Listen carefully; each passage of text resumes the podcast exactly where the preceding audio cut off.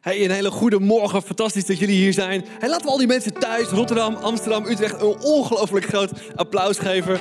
En heerlijk dat we weer met z'n allen weer een heerlijke celebration hebben. En de worship is waanzinnig. En we gaan vandaag de serie afsluiten.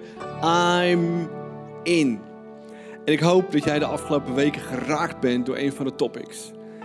Waarin je all in wilt gaan voor jouw Jezus. Voor alles wat hij voor jou gedaan heeft. Om echt een verschil uit te maken. We zijn vier weken geleden gestart met Welkom thuis. Wie je ook bent, wat je ook bent, wat je gedaan hebt, wat je ook op je kerststok hebt. Iedereen is welkom bij Jezus. Hoe fouter, hoe beter. Hoe fouter, hoe beter. De Bijbel zegt, als je veel fout gedaan hebt, heb je veel om vergeving voor te krijgen. En mensen die veel vergeven zijn, weten hoe ongelooflijk belangrijk dit topic is. Want er vindt een uitwisseling plaats aan het kruis. Waarin je pijn en verdriet en schaamte wat je jezelf aangedaan hebt. Of wat mensen jou hebben aangedaan kunt achterlaten bij dat kruis, bij jou Jezus. Waarin de uitwisseling plaatsvindt. Dat Hij je waarde teruggeeft. Je vergeeft van alles. Je weer herstelt. Jij bent mijn zoon, mijn dochter van God Almachtig. En dan weet je wie je waard bent in de ogen van God. En dan weet je dat als Jezus zoveel van je houdt, dat hij zoveel voor je over heeft, dat hij je, je weer je waarde teruggegeven heeft. En je weet dat je een persoonlijkheid hebt. En je weet dat je ervaring hebt. En je weet dat je talenten hebt. En je weet dat je passie hebt. Dat je dat in kunt zetten. Dat je niet voor jezelf houdt, maar doorgeeft. Om echt een verschil te maken in deze wereld. En vorige week hebben we gezien dat jij een speel bent. Gods plan A om door jou heen te werken om door jou heen het goede nieuws, dat God van mensen houdt. Dat Jezus voor jou stierf en de mensen om je heen. Dat is het goede nieuws. Waarvan God niet wil dat we het voor onszelf houden. Maar op basis van die genade en dankbaarheid doorgeven aan de mensen om je heen. Broers, zus, vaders, moeders. hey, dit is mijn Jezus, dit is wat hij voor mij gedaan heeft. Hij houdt van me. En ik weet zeker dat hij ook van jou houdt. Dat zijn jouw platformen. Jij bent een echte influencer. En vandaag gaan we kijken naar het laatste topic. Het allerbelangrijkste topic, wat mij betreft, in deze hele serie. Dat heeft te maken om je leven te investeren. En heeft alles met vrijgevigheid te maken. Je kunt op zoveel verschillende manieren je leven leiden. Je kunt het verdoen, vernachelen, overboord gooien. En we zien dat soms mensen om ons heen doen. Die zichzelf zo stuk maken. En misschien zelfs vroegtijdig hun leven beëindigen. Er zijn ook een grote categorie mensen die gewoon hun leven leiden. Beetje met God, beetje hier, beetje daar, beetje misschien. Het is niet warm, het is niet koud. Dat is ook wel een derde manier. Je kunt ook je leven investeren. Dat God jouw leven gegeven heeft. Dat hij je tijd gegeven heeft. Dat hij je middelen gegeven heeft. Om dat niet bij onszelf te houden, maar te delen met God Almachtig. In echte vertrouwen met Hem. Door alles wat hij jou gegeven heeft te investeren in mensen. Vandaag gaat het dus over vrijgevigheid. En ja, het gaat dus ook over geld. Maar het gaat ook over jouw tijd. Vrijgevigheid is zo'n ontzettend groot topic. En als je hier voor het eerst bent of je kijkt voor het eerst mee en het gaat over geld. Wat ik vandaag wil is dat je hier niet weggaat dat deze kerk gaat om geld. Geniet van alles wat je hier meemaakt, ook als je hier zit. En neem het topic helemaal in je op. Dat het gaat om wat God jou gegeven heeft. Je daar echt een verschil mee kunt uitmaken. Jezus zei in Matthäus met zijn eigen woorden, lees me mee achter me, geef het koninkrijk van God. Wat is het koninkrijk van God? Is dat een gebouw? Nee. Is dat programma's? Is dat een kantoor? Is dat dit theater? Nee. Gods koninkrijk is altijd mensen. Het gaat altijd om God en mensen. Die twee zijn onafscheidelijk. en het doen van zijn wil de hoogste plaats te geven. Als je leeft in Gods wil, is zo extreem vervullend, is zo heerlijk om mee te maken. En precies dat zegt Jezus, dat is wat ik zelf doe. Ik doe de wil van mijn vader. Vorige week hebben we gezien, toen zijn discipelen vragen, Jezus, we moeten toch te eten, wil jij geen eten? Wat zei Jezus toen? Het doen van de wil van mijn vader is mijn dagelijks brood. Dat zat zo diep bij Jezus. Zo fantastisch om te horen en te, van hem uit zijn eigen mond. En al het andere zal u dan ge... Woe! Amazing! Dus wat wij vaak doen is, we gaan hard werken, veel regelen om datgene wat wij willen zelf te bemachtigen. En God zegt, begin nou totaal andersom en begin met het koninkrijk eerst, mijn wil te doen en al het andere wat je hartje begeert, ga je vanzelf krijgen. Hoef je niks voor te doen. Woe, amazing toch? Dat is het woord van God.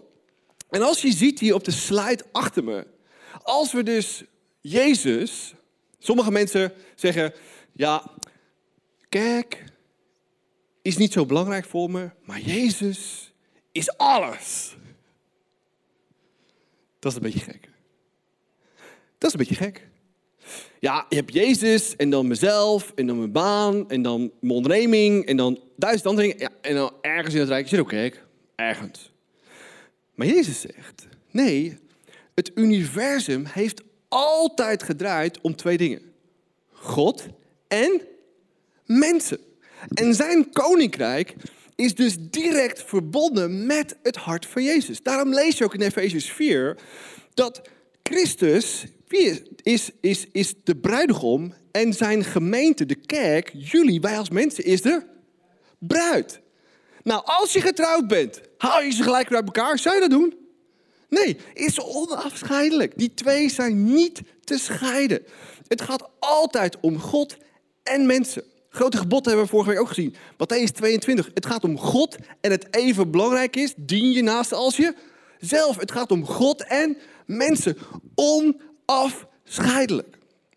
Dus Jezus en kerk is onafscheidelijk. En Jezus zegt dus zelf, kerk is het hoogste wat er is, samen met God.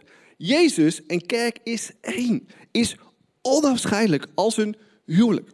En Jezus zegt dat als je het dus centraal zet boven alles, gezin, geloof, relaties, gezondheid, werk, hobby's en misschien nog heel veel andere dingen, dan heeft het een enorme positieve invloed op al die facetten van je leven.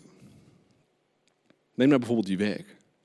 Ik heb leiding gegeven aan een, aan een bedrijf en ik vond het heerlijk om mijn werk te doen. Ik vond het heerlijk om deals te sluiten. Ik vond het heerlijk om bonussen te krijgen. En ik vond het heerlijk om veel geld te verdienen. Voor wat? Het belangrijkste in mijn leven. En dat was niet mijn koninkrijk, maar zijn koninkrijk. Zo'n groot verschil. En weet je wat dan zo'n groot verschil maakt?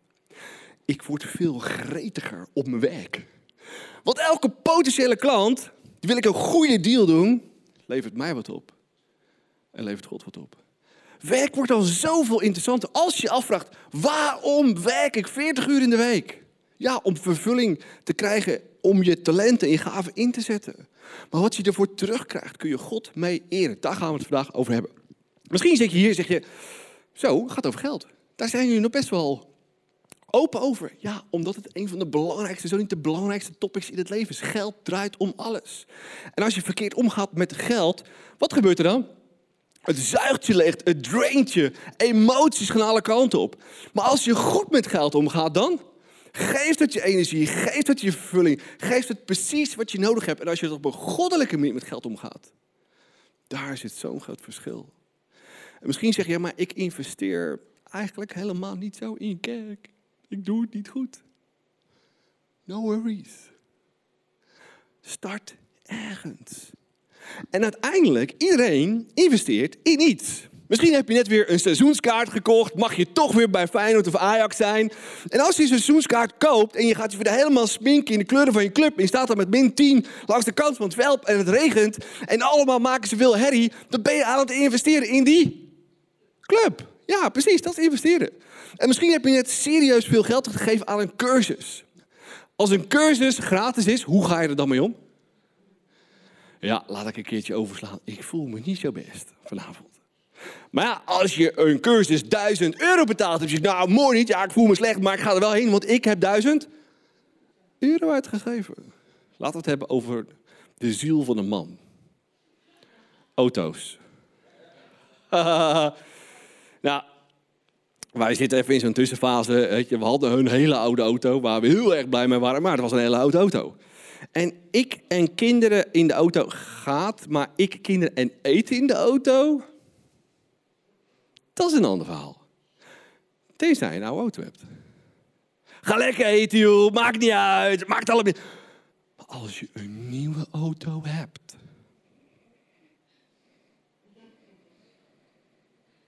Kids, dit is de auto. Tot hier en niet verder. Ja, pap. Ze voelen de druk. Ze voelen dat het spannend wordt. Ja, pap, wat gaan we doen? Hier hebben we wikkelfolie. We gaan jullie inwikkelen in de folie. En dan mag je in de auto. En als je eruit komt, ontwikkel je weer en mag je weer verder met je leven. Want dat is wat het is. Het raakt je hart, je bloed, zweet, tranen om een auto te kopen. Waarom raakt dat ons hart? De Bijbel leert, waar je schat is, daar is je hart. Dus waar je je financiën gebracht hebt, auto, cursus, jaarkaart voor de voetbal of duizend andere dingen, daar ligt je hart. Daar ligt zo'n grote waarheid die we moeten snappen. Waar je schat is, daar volgt je hart. Het gaat dus vandaag over investeren van je leven. En we gaan een aantal ontzettend bijzondere dingen ontdekken. En een van de dingen die we moeten zien is, ben je het met me eens dat wij in het Westen een soort van uh, materiële, materiële hamsters zijn? He? niet onze wangen vol met eten, maar ons hele huis. Alles gaat om staf, staf, staf, staf. Nou, wie, wie is er zo'n zo, echte, echte, echte, zo'n gadgeteer? Die houdt van gadget. Ik ben een echte gadgeteer. Ik hou van gadgets, ik hou van smartphones, ik hou van laptops. Ik het heerlijk. Wow, ik hou van zo lekker. Maar ons leven gaat voornamelijk om staf, toch? En God zegt, maar volg je hart, volg je passie. Maar draait het leven alleen om staf? Nee, het gaat om mensen. Ik heb jarenlang geleefd met een vader die bijna altijd van huis af was. Echt een zeeman. Tot mijn 22e. En daarom hadden we nooit echt een hele diepe relatie. En vorig jaar nodigde hij mij uit om een biertje te doen. En ik keek hem aan in zijn gezicht en dacht: waarom hebben we het niet veel eerder gedaan? Mensen. Het gaat altijd om mensen. En Jezus wist dat. En hij zegt dus in Matthäus 6 het volgende: Verzamel op aarde geen kostbaarheden je rijdt met je auto de garage uit en hoeveel duizend euro is die minder?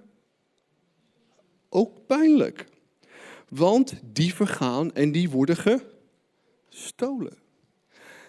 Er is één ding in het hele universum wat altijd zijn waarde behoudt. En als je in dat investeert, is dat extreem vervullend. Wat is dat? Mensen. Jouw ziel vergaat nooit. Je hebt je ziel gehad omdat God leven in mensen heeft gelegd. En je bent gemaakt door je ouders, hebben een leven doorgegeven. Jouw ziel bestaat voor eeuwig. Woe! Dus alles wat je in een mens, in, in een ziel investeert. En die ziel wordt groter, mooier, mooier karakter, liefdevoller. Is dat voor eeuwig? En Jezus zegt, het gaat om mensen. Vergaat jouw baan ooit een keer? Ja. Vergaat je bedrijf ooit een keer? Er is geen bedrijf in de wereld geweest wat langer dan 200 jaar bestaan heeft. Wist je dat? Ja, behalve de kerk. Duizend jaar al. Vergaat jouw huis een keer? Vergaat deze wereld een keer? Alles vergaat. En daarom zegt Jezus: maak God en mensen het hoogste in het leven. Want dat zal voor altijd bestaan. Blijft voor God altijd bestaan? Ja, gelukkig wel. Woehoe. Blijven mensen altijd bestaan? Ja, gelukkig wel.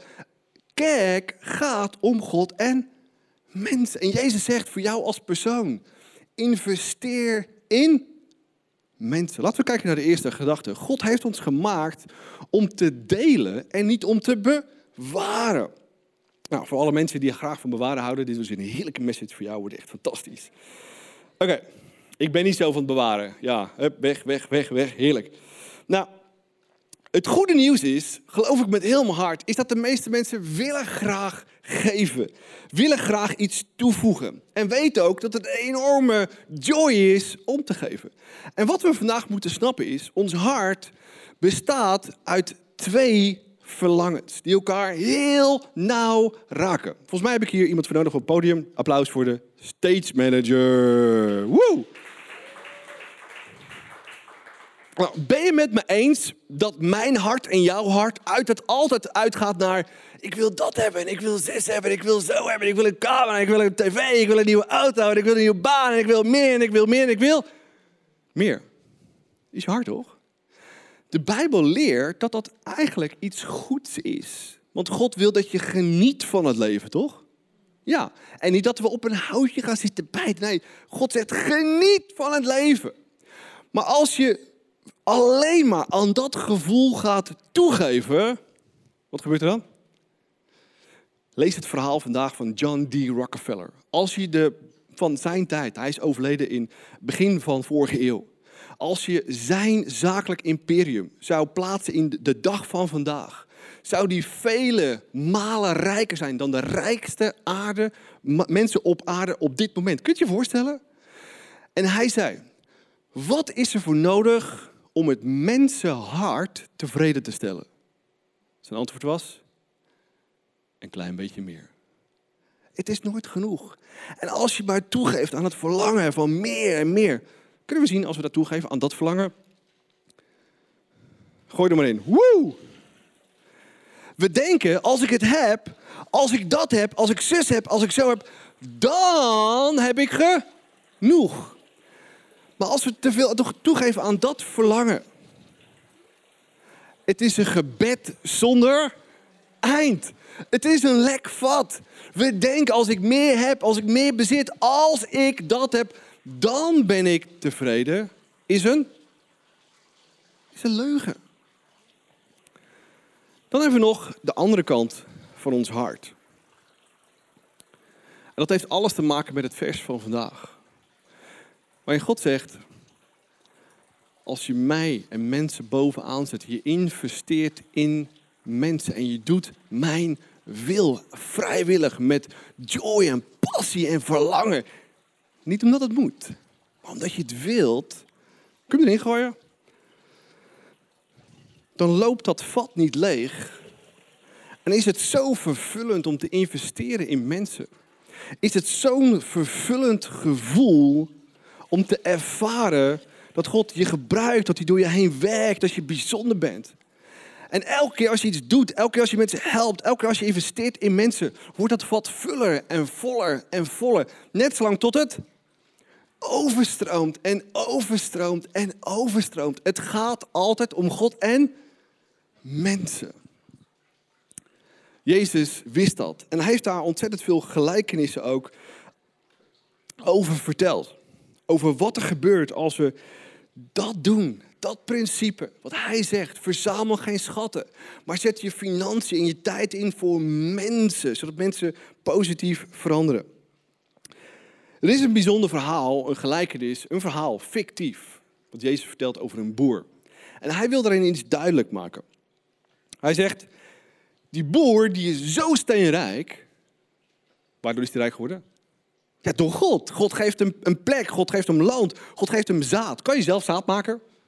Nee, dat is er, heeft God gemaakt. Kan je zelf aarde maken?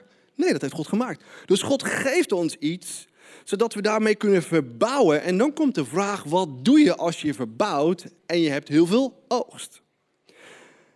De boer zegt het volgende. Ik breek mijn schuren af en zet er grotere voor in de plaats. Ik wil meer, zei hij. Dan heb ik ruimte genoeg om alles op te slaan. En wat zegt hij dan? Dan heb ik ruimte genoeg om alles op te slaan. En wat zegt God dan? Oh, je bent zo slim. Je bent zo slim. Nee, er staat, jij dwaas. Vannacht zult u sterven. Nou, dit is een gelijkenisverhaal. Je gaat niet sterven als je alles bijhoudt. Op zijn Hebreeuws. Alles overdrijven zodat je punt duidelijk wordt gemaakt. Oké, is het duidelijk? Hij is duidelijk. Zo gaat het met iemand af die alleen maar meer wil hebben. Maar in Gods ogen is het een armoedzaaier.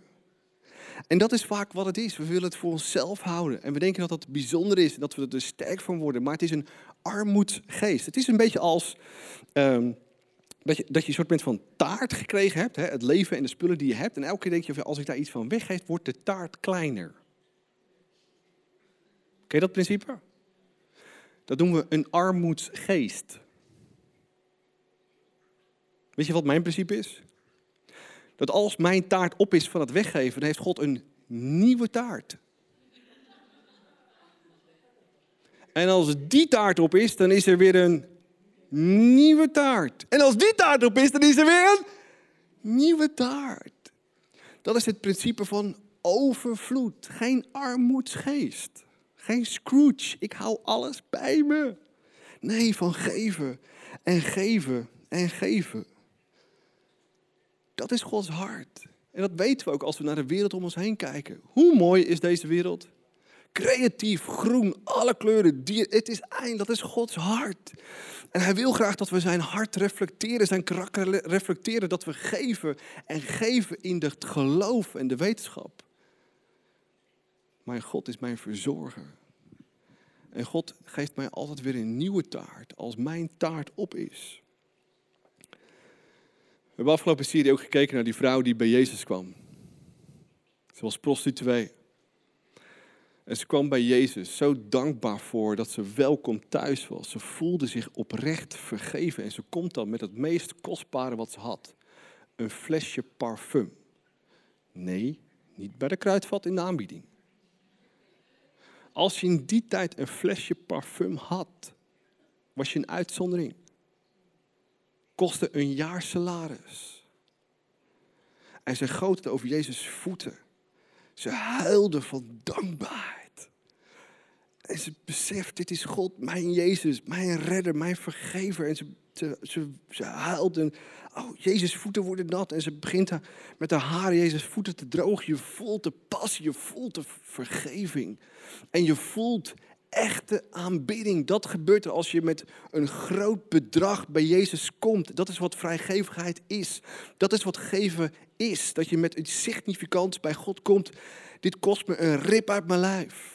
Maar ik ben zo dankbaar voor wat hij deed. En als ik dat geef, geeft hij altijd weer meer terug. Je voelt de dankbaarheid van deze vrouw. Dat is echt de worship. Hoe kan je bij God komen als Hij zijn enige zoon gegeven heeft? Met lege handen. Of een prularia. Of restjes. Deze vrouw snapt het. En ze is niet eens een discipel van Jezus. Er was ook een discipel van Jezus, Judas. Weten we nog hoe het met hem afgelopen is? Hij verraadde Jezus. Waar verraadde hij Jezus voor? Voor geld voor geld. Ik moet meer en ik moet meer. Al moet ik Jezus daarvoor verraden. Ik wil meer. Wat voor geest heeft Judas? Een geest van overvloed of een geest van armoede? een geest van armoede. God zegt, ik wil niet dat je zo door het leven heen gaat. Ik ben je vader, ik ben je redder, ik ben je vergever. En ik heb meer jou te geven dan je ooit zelf voor kunt werken. Ik kan deuren openen in jouw leven naar nieuwe banen met een ander salaris. Met mensen in contact brengen die je meer dan overvloedig kunnen zegenen. Ik ben jouw God. Dit is echt geloof. En deze vrouw had echt geloof. En dan is het nog het verhaal van Jezus en die 5000 mensen te eten geeft. Ken je dat verhaal? Woo! Amazing. Jezus zit daar met 5000 mannen. Hè? Er waren ook nog vrouwen en kinderen bij. Men zegt dat dit de grootste menigte was ooit. En wat doen die discipelen? Dit was weer een les voor de discipelen. Jezus, uh, ja, je staat hier al een tijdje te preken. Het was de langste preek van Jezus ever. Ever. Hebben ze het over mij? Als ik vijf minuten langer hier doorga, dan begint, valt alles en iedereen over mij. Jezus stond hier van ochtends vroeg tot avonds laat te preken. Mensen vielen in slaap, boring, wat gebeurt hier? Maar ze bleven, omdat het Jezus was. En wat zeggen dan die discipelen? Uh, Jezus, ja. Uh, we snappen dat je preken leuk vindt. We denken ook wel dat je wat te melden hebt. Ik denk dat als je je hele leven gaat preken, heb je nog niet alles verteld wat u wilt vertellen. Maar we moeten wel eten. Eten, Jezus. We moeten eten. Deze mensen moeten naar huis, die moeten eten, wat in deze omgeving is er niet. Jezus wist waar hij mee bezig was. Hij wilde zijn discipelen zo'n ongelooflijk diepe les leren. Dat als Jezus dichtbij is, dan heb je altijd meer dan genoeg. Niet alleen aan hem persoonlijk, maar ook aan wat hij voor jou kan doen. Geloof je dat? Laten we kijken wat er gebeurt. Tegen de avond kwamen er twaalf bij hem staan en zeiden: U moet de mensen nu echt naar huis laten gaan. Dan kunnen zij eten kopen en onderdak vinden in de dorpen, in de boerderijen omtrek. Want in deze verlaten streek kunnen ze niets krijgen.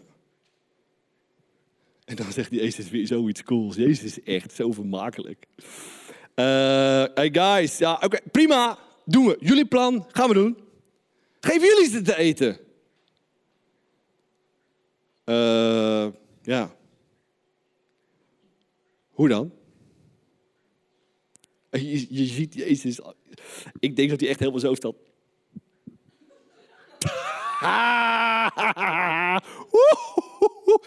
Hij vindt zo vermakelijk. Die gasten snappen het nog steeds niet. Hij zit twijfelen nog steeds aan wie ik ben, waar ik vandaan kom, of ik een gek ben, of ik helemaal inderdaad Gods zoon ben. En voor mij alles mogelijk is. Hoe dan, vroegen ze. We hebben maar vijf broden en twee vissen, zeggen ze dan. Toch hilarisch? En ik denk dat die, dat die daar ook stonden van... Jezus, we hebben maar vijf broden en twee vissen, gaat nooit gebeuren! En misschien viel het wel stil. Jezus nam de vijf broden en twee vissen. Keek omhoog naar de hemel. Hij dankte God daarvoor, zijn vader. En daarna brak hij stuk na stuk af. Gaf het aan zijn leerlingen en ze brachten het bij de mensen. Er was genoeg te eten voor. Hoeveel is iedereen? Pak een beet 15.000 mensen. 15.000 mensen, bijna een ziggo vol.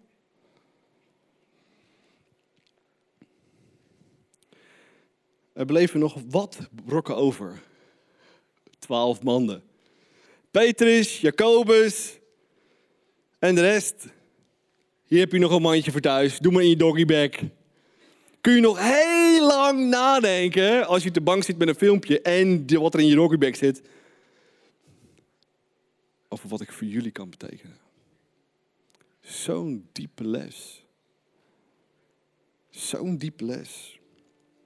De tweede gedachte is, wat houdt je? Wat je houdt is alles wat je hebt. Wat je deelt zal God vermenigvuldigen. Het is zo'n diepe les die God ons vandaag wil leren. Ik hoop niet dat je vastzit op. Maar ik heb te weinig. Ik heb niet zoveel geld. Ik heb niet zoveel spullen. Wat je hebt is genoeg. God zegt, durf het te geven. Durf het bij me te brengen. Durf het bij mij te brengen en ik zal het zegenen. 19 begon ik met geven. Vergeet het nooit meer.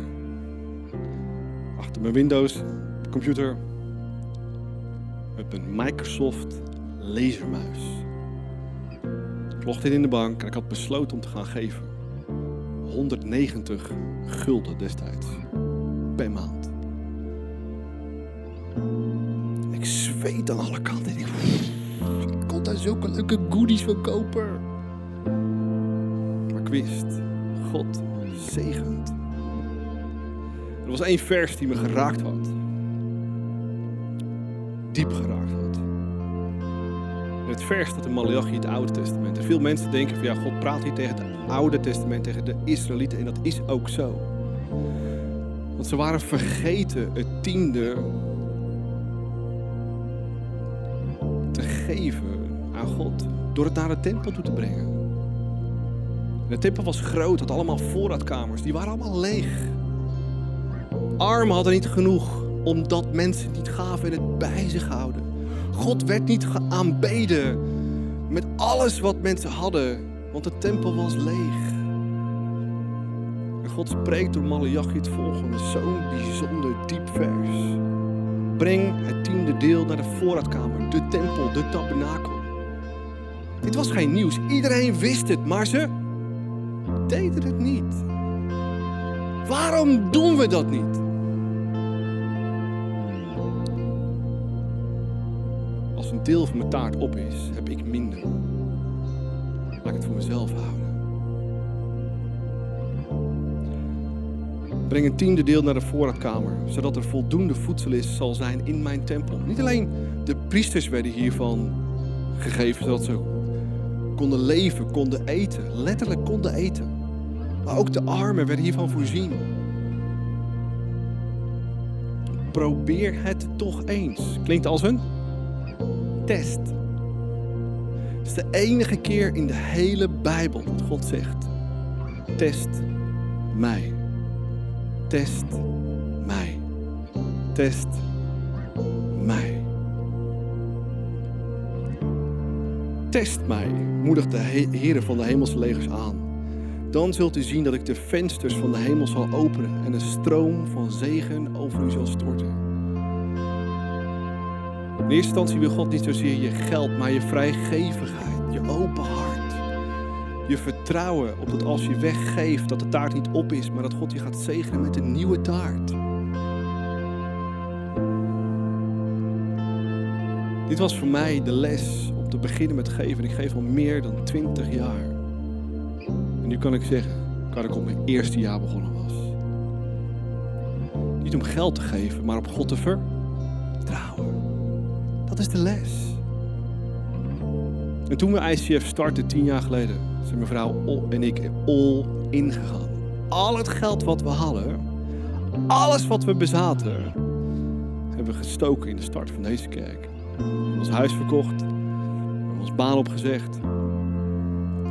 Alles wat we hadden, gestoken in mensen. En dat eert God. Dat raakt zijn hart. Dat verandert mensen voor eeuwig. Voor eeuwig. En gelukkig niet alleen ik, maar door de afgelopen tien jaar zijn zoveel mensen in deze kerk dit gaan doen. En weet je wat onze joy is en onze hoop is? En we geleerd hebben dat als we geven, God zegent. Hij voorziet. En alles wat we nodig hebben. Ja, ik heb niet alles wat ik wil, maar ik heb alles wel wat ik nodig heb. Dat is wat we geleerd hebben. En weet je wat we gezien hebben? Dat er mensen in deze kerk gekomen zijn. Die gered zijn. Die misschien niet meer geleefd hadden. Die geen hoop meer hadden. Die geen toekomst meer hadden. Mensen die hun leven aan het verknallen waren. En er kwamen ook mensen binnen die gewoon hun leven leefden. En hoorden wat, wat God wilde, wat doorheen. Dat je welkom thuis bent, dat je waardevol bent om toe te voegen. Dat je echt van invloed kunt zijn. En dat je je leven kunt investeren. En dat zijn gaan doen die grote hel zijn geworden. En ook al die mensen zijn gaan genieten van wat we samen aan het bewegen zijn in deze stad en in dit land. Maar we moeten af van een mentaliteit dat als je alles uitgegeven hebt aan jezelf, aan je vaste lasten, die allemaal belangrijk zijn, laten we eerlijk zijn. En dan kom je aan het eind erachter, oh ja, zit je hier bij ICF in de kerk, of in Rotterdam of in Amsterdam. Oh, de collector. Laat ik nog even voelen of ik nog wat heb. De hele taart heb je al uitgegeven, opgevreten, aan goodies, aan spullen. Soms belangrijke items zelfs. En dan, oh ja, ehm, ja. Sorry God.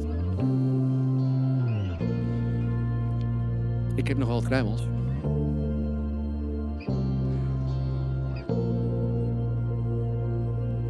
Het is letterlijk een tiende deel van de taart. Corien? Ja, het is een leuk feestje geweest. Wil je ook nog een stukje? Ik denk niet dat je je echt geëerd voelt, of wel? God zegt, durf je, durf je mij letterlijk boven alles te zetten? Durf je me echt te vertrouwen? Durf je als eerste je tiende deel van alles wat ik je gegeven heb? Ja, maar dat heb ik allemaal zelf geregeld. Van wie heb je je leven? Van wie is deze wereld? Van wie heb je je talenten? Van wie heb je je hartslag? God heeft je alles gegeven. En hij wil je nog veel meer geven. Hij wil je zegenen. Maar durf als eerste het mooiste, belangrijkste stuk aan hem te geven. Voor mij is het zo'n diep topic. Ik kan niet meer bij God de laatste dingen brengen. Ik ben zo dankbaar voor wie ik ben. Ik ben zo dankbaar voor mijn gezin. Ik ben zo dankbaar voor deze kerk. En ik weet dat als we dit allemaal gaan doen, dat God zo geraakt wordt in zijn hart. Dat deze kerk meer dan ooit gezegend gaat worden. Maar belangrijker nog, dat God door deze kerk heen mensenlevens voor eeuwig, voor eeuwig redt en verandert.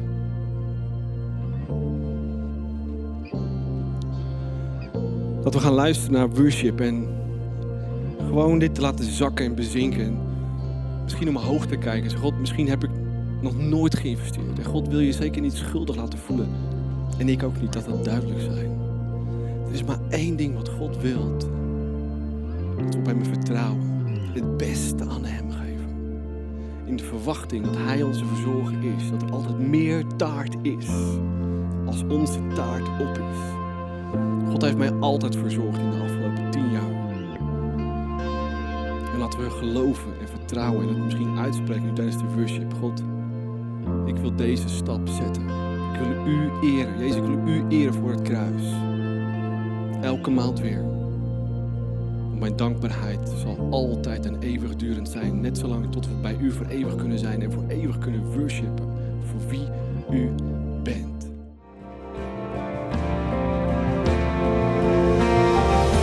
Op zondag naar kerk te komen. Om te leren wie Jezus is. Te zien wat hij voor jou betekent. Ik kom elke zondag naar kerk toe. Met het meest kostbare wat God mij gegeven heeft. Mijn tijd en mijn financiën. En elke maand weer, ons gezin, komen met onze tiende. En we brengen het bij God.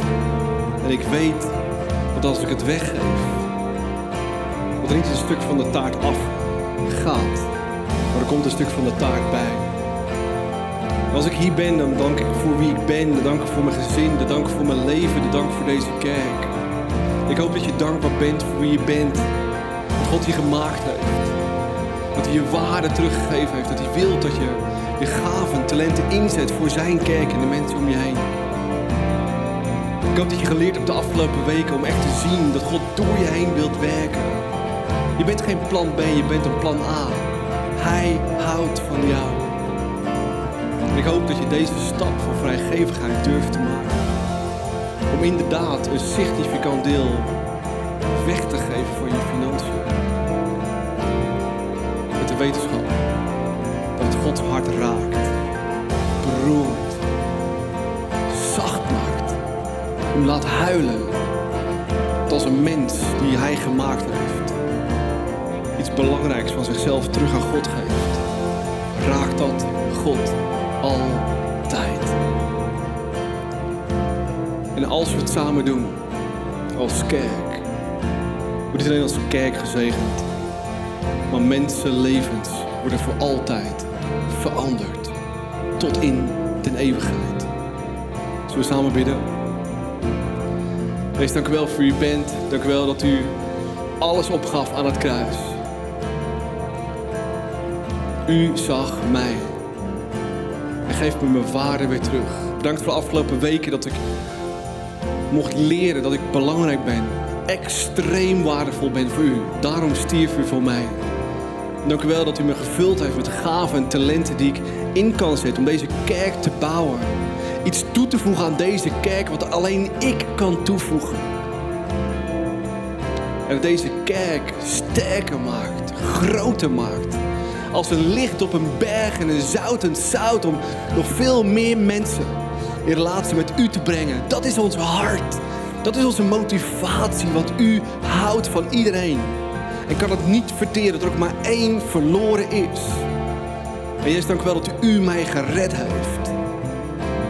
Dat u de 99 hebt achtergelaten om mij te redden. Dank u wel dat u mij wilt gebruiken op de plek waar ik ben als een echte influencer. Vul mijn hart met moed en liefde om van mensen te houden. Om ze te vertellen van hoe u mij vergeven heeft, wat u in mijn leven gedaan heeft. Niet voor me te houden, maar door te geven aan mijn vader, mijn broer, mijn zus, mijn familie, mijn collega's. Jezus, na vandaag ben ik me bewust dat al het leven komt bij u vandaan. Mijn leven is van u. Mijn succes is van u.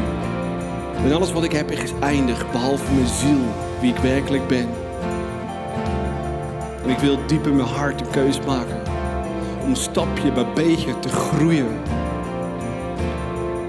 Om waar u mij mee gezegend heeft, iets terug te geven aan u.